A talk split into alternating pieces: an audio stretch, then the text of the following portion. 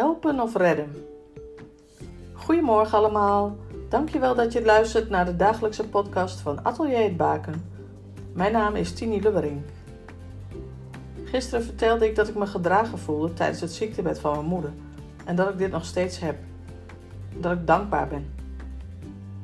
Ik kreeg vlak na haar ziek zijn een gedicht van iemand. En het is geschreven door iemand die anoniem is.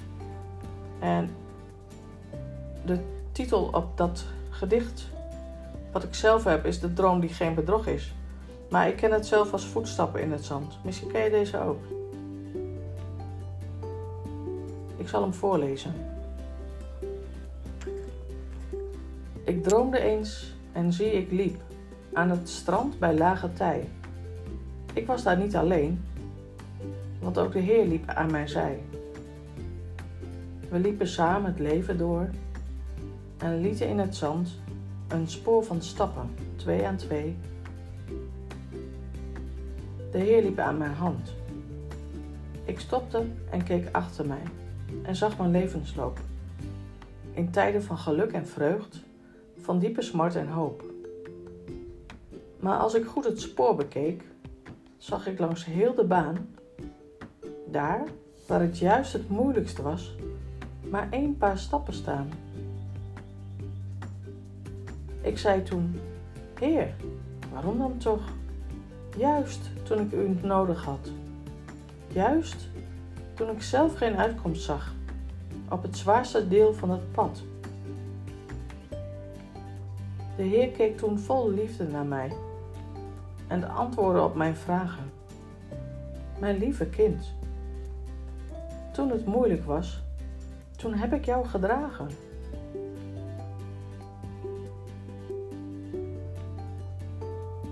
Gedragen voelen of een ander dragen als hij of zij het zwaar heeft en het even niet meer weet. Wanneer draag je iemand en wanneer red je iemand? Deze grens vind ik zo nu en dan best lastig. Jij? Want wanneer doe je te veel?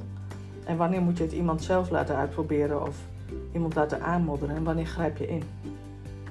Bij het opvoeden kom ik dit best tegen, maar ook als ik schilderworkshop geef. Wanneer help je iemand door gericht advies te geven? Of wanneer red je iemand waardoor iemand het zelf toch niet uit gaat proberen? Redden is best makkelijk. Alleen dan leert een ander niks. Of in ieder geval, dan duurt het gewoon wat langer. Als ik iemand help met het schilderen, dan heb ik ook met mezelf afgesproken dat ik niet in een schilderwerk van een ander ga schilderen. Er zijn ook mensen die dat wel doen, heb ik ervaren.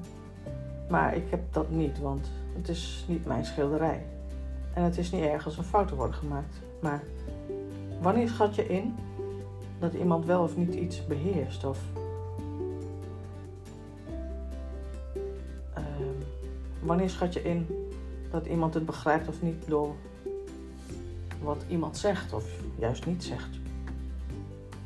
Wanneer geef je iemand vertrouwen genoeg dat ze het gaan uitproberen en dat uitproberen prima is en dat fouten maken daardoor ook prima is?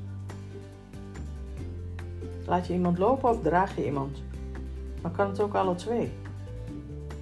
Dat wil zeggen, je laat iemand lopen en je houdt een oogje in het zeil.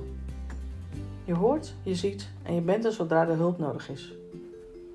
Zo kan ik mezelf omschrijven.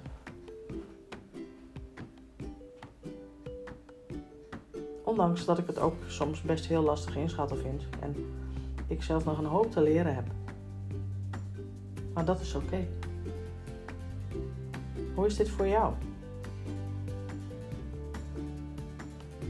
God zegen voor jou en je geliefde. Tot morgen.